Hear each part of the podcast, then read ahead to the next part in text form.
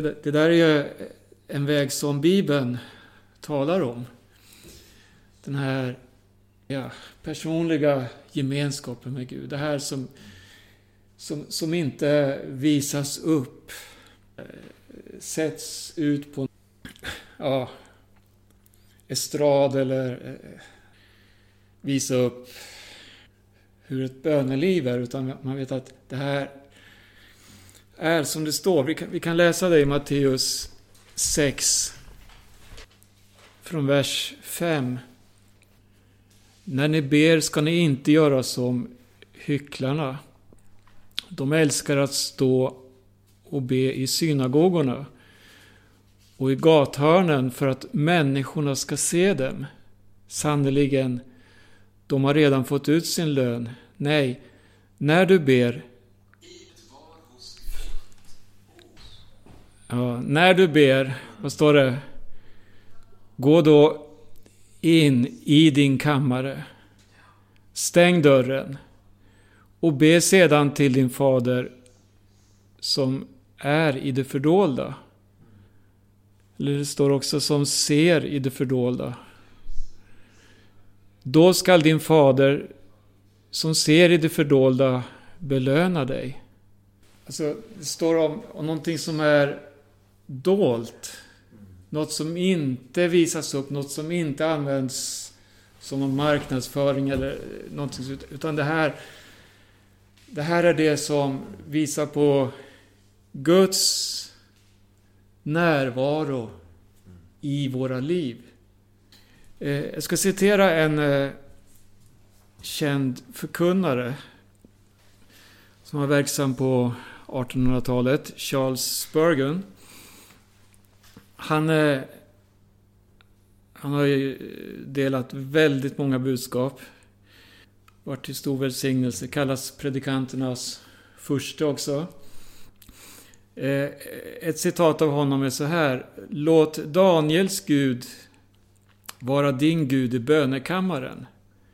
Och han kommer att vara din Gud i lejongropen. Och Daniel har vi läst mycket om i Bibeln om honom som ung. Och så angelägen om att bevara sitt hjärta rent. Han var angelägen om att inte låta sig formas eller besmittas av Babylon, alltså den kulturen, det väldet där. Utan han, han, han, ja det var till och med i kosten och allt, allt det här som erbjöds och som befalldes att alla israeler som var tillfångatagna skulle anpassa sig till. Men han stod fast. Och när man läser om Daniel så ser man att han hade just det här bönelivet. Tre gånger om dagen mot Jerusalem, där han satt i Babylon. Tre gånger om dagen så böjde han sina knän och bad till Gud. Och eh, jag vill läsa eh, en vers också, Jesaja. kapitel 40. Just det här, ja, man ser något av hur viktigt det är med att verkligen vårda ta vård om sitt inre liv. Och i, vi kan läsa vers 29, så ser vi här vilken, vilken styrka det är i det också. Han ger den trötte kraft och förökar den maktlöses. Ynglingar kan bli trötta och utmattas och unga män kan falla.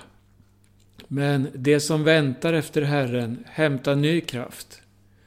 De får nya vingfjädrar som örnarna. Så skyndar de iväg utan att mattas. De färdas fram utan att... Och när jag läser den här eh, versen här, det, det, det, det är som att se Daniels liv. Om man följer honom.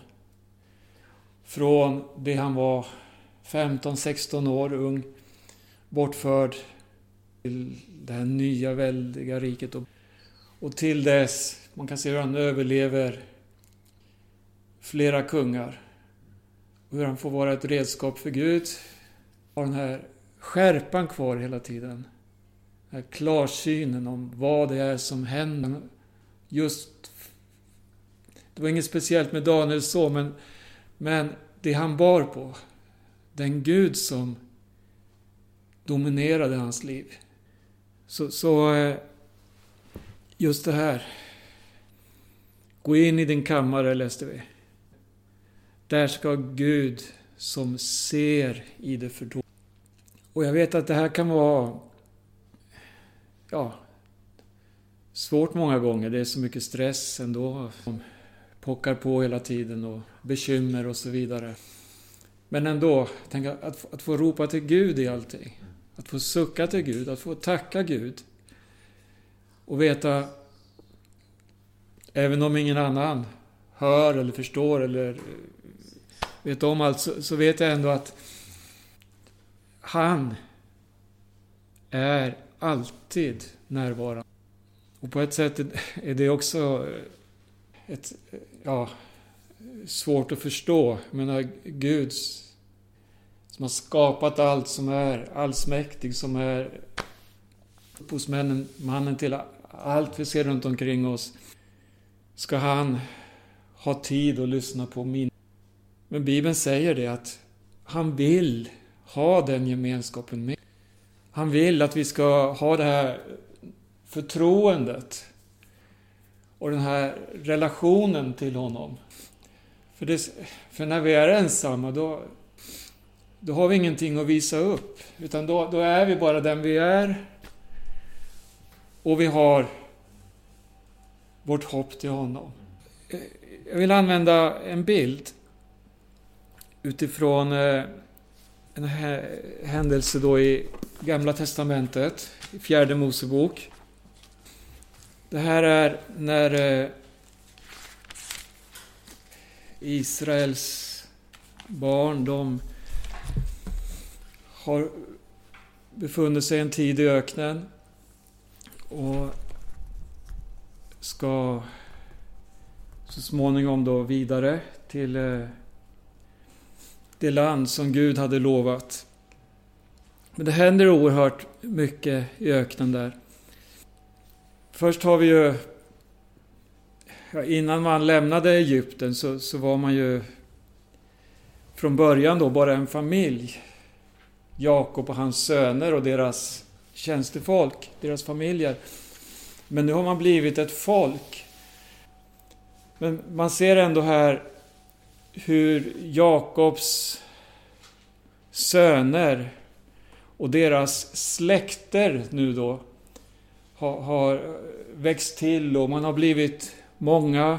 Men man har en väldig ordning på vilken familj man tillhör, vilken gren av, av, ja, av släkten då.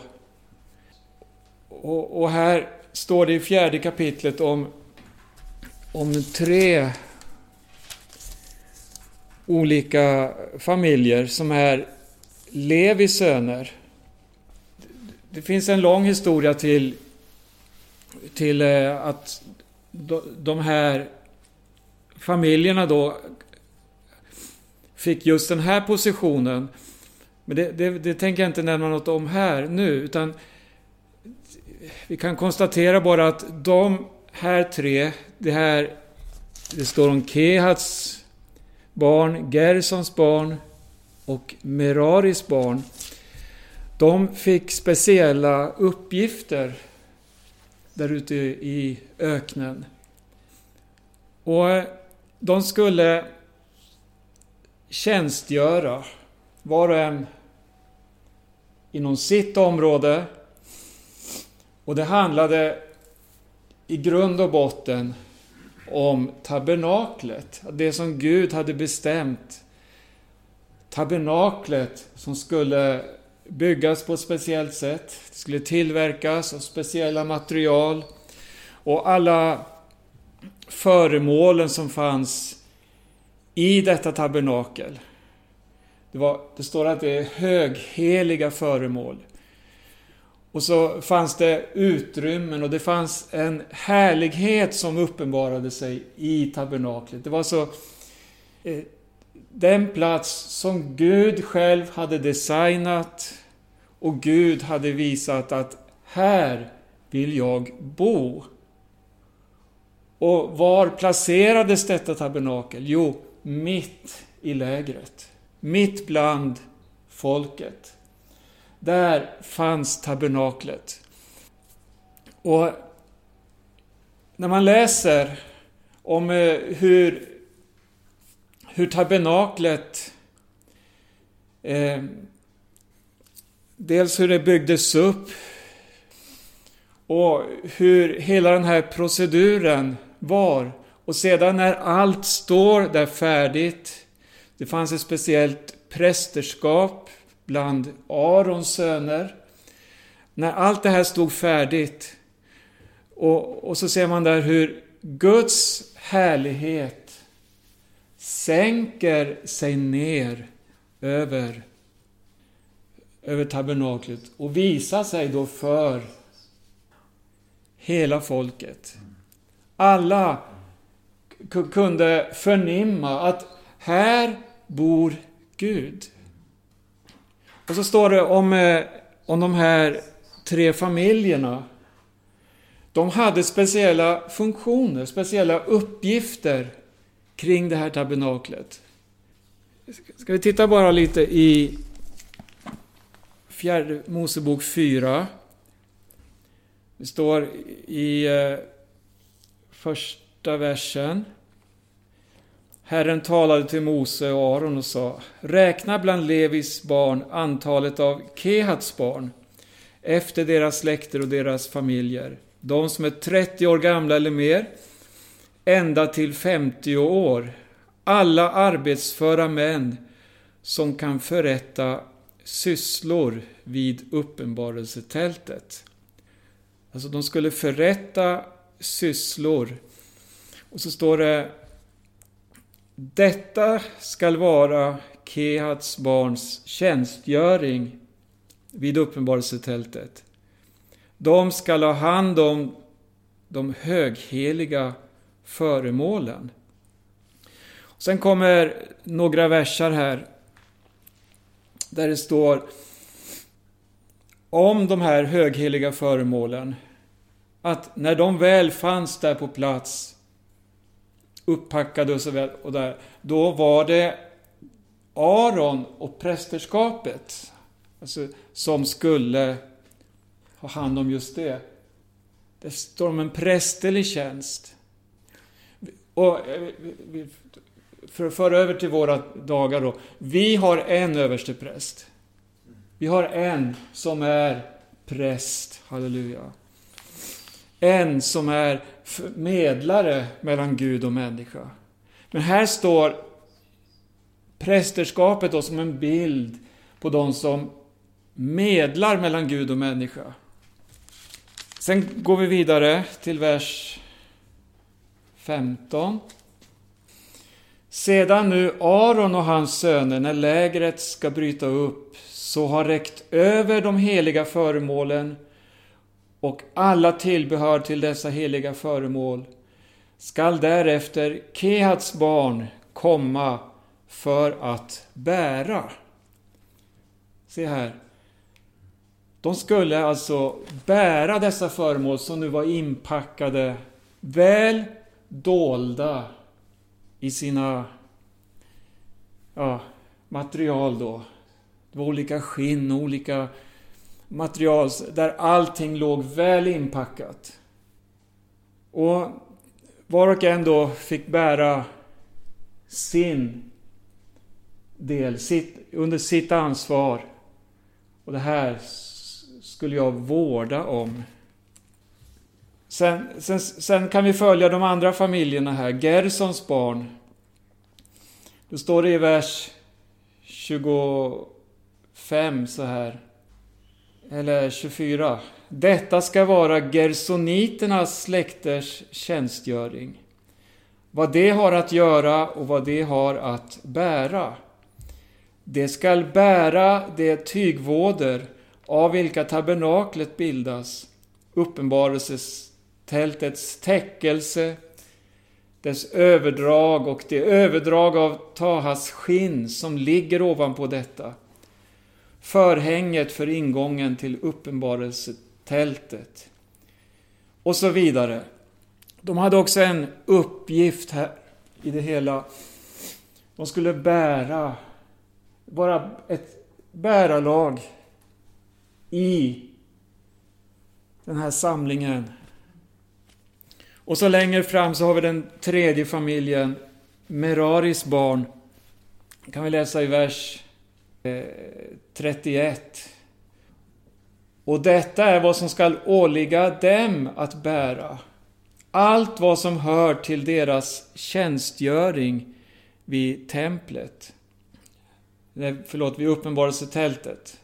Bräderna till tabernaklet, dess tvärstänger, stolpar och fotstycken, likaså stolparna till förgården runt omkring med deras fotstycken, pluggar och streck.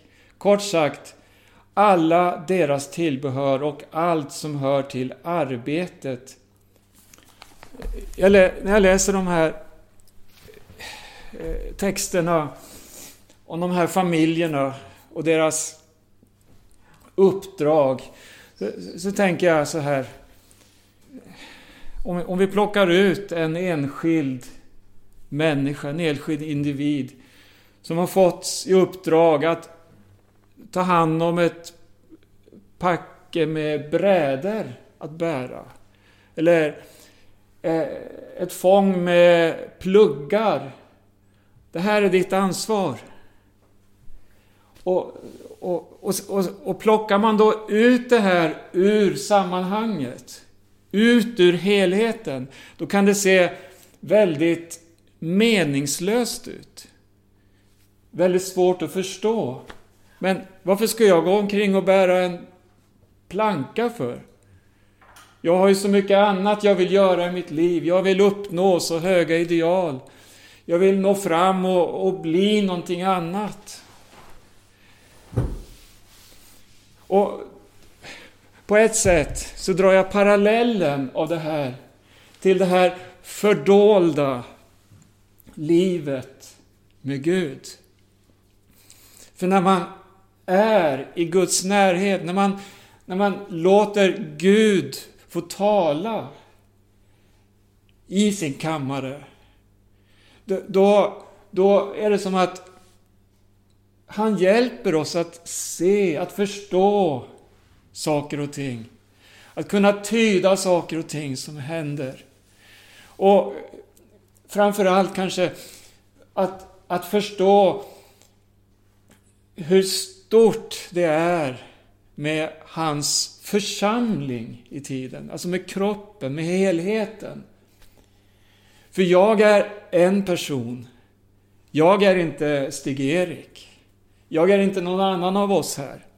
Men jag vet att jag är en person och Gud har lagt ner någonting i mitt liv som jag har ansvar för. Som jag är bärare utav, som jag ska ta vård om. Och så är det med oss var och en.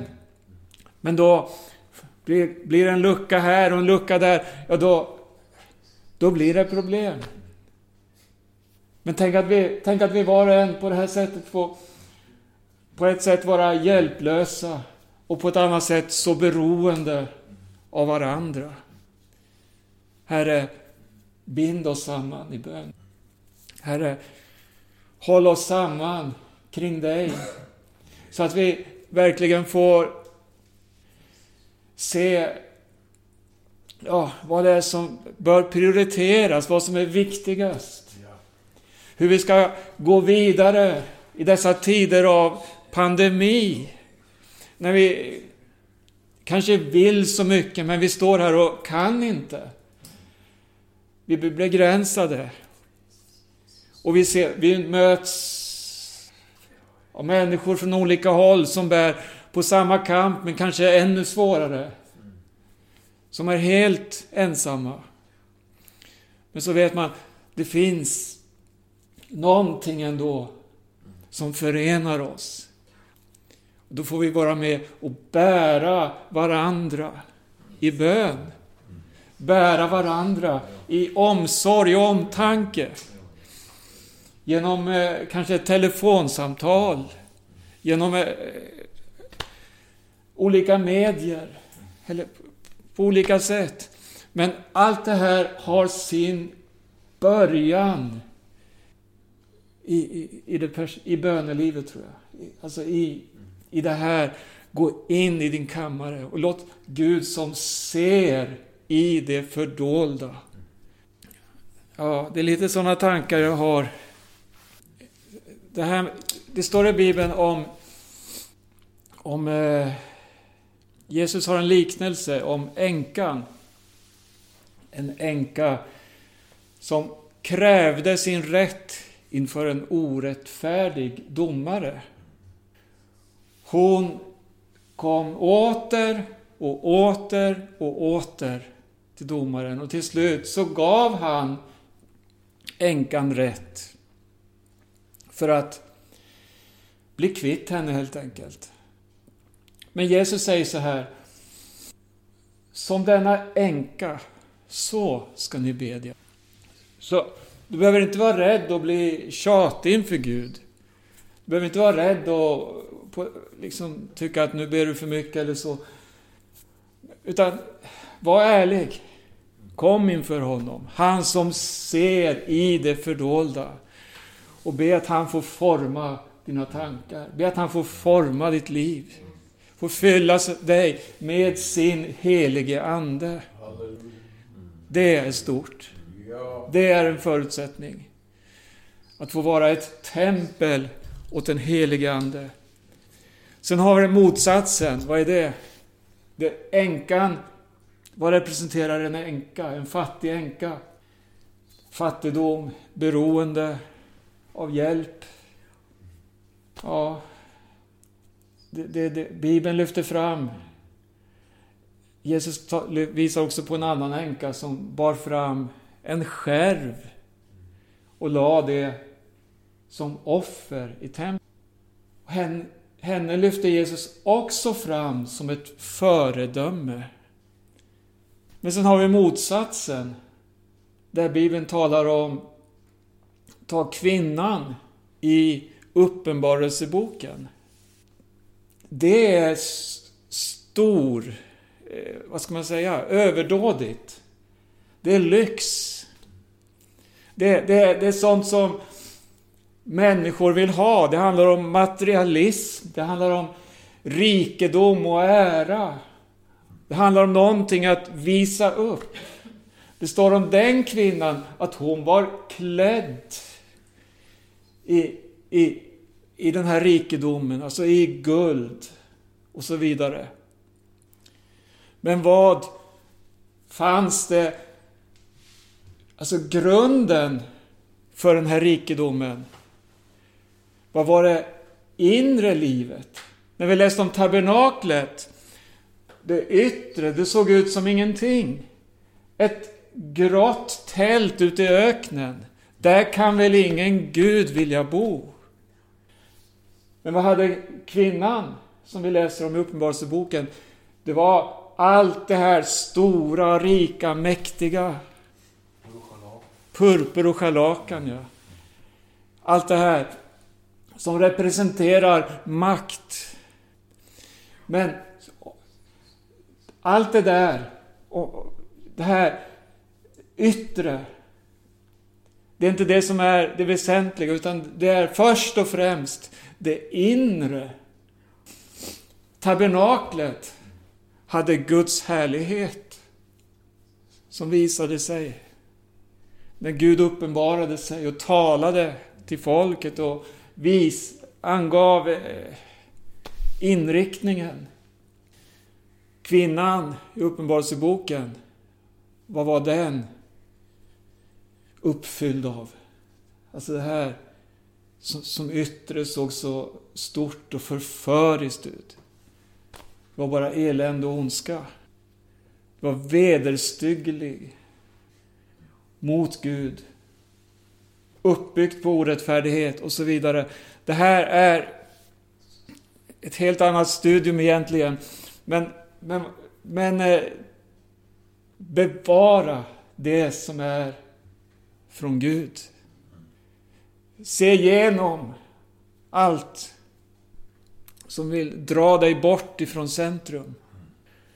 Och håll dig till honom. Ja, vi får bli utrustade av den helige Ande. Ska vi läsa till sist bara några versar. Vi läste om en kväll här, tror jag. Bönemöte. Hesekiel 47. Jag tänker på första versen här.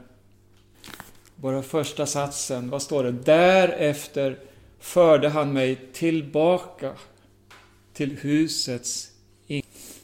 Det här, det här, det här vill jag ha. Det här måste vi få uppleva om och om igen.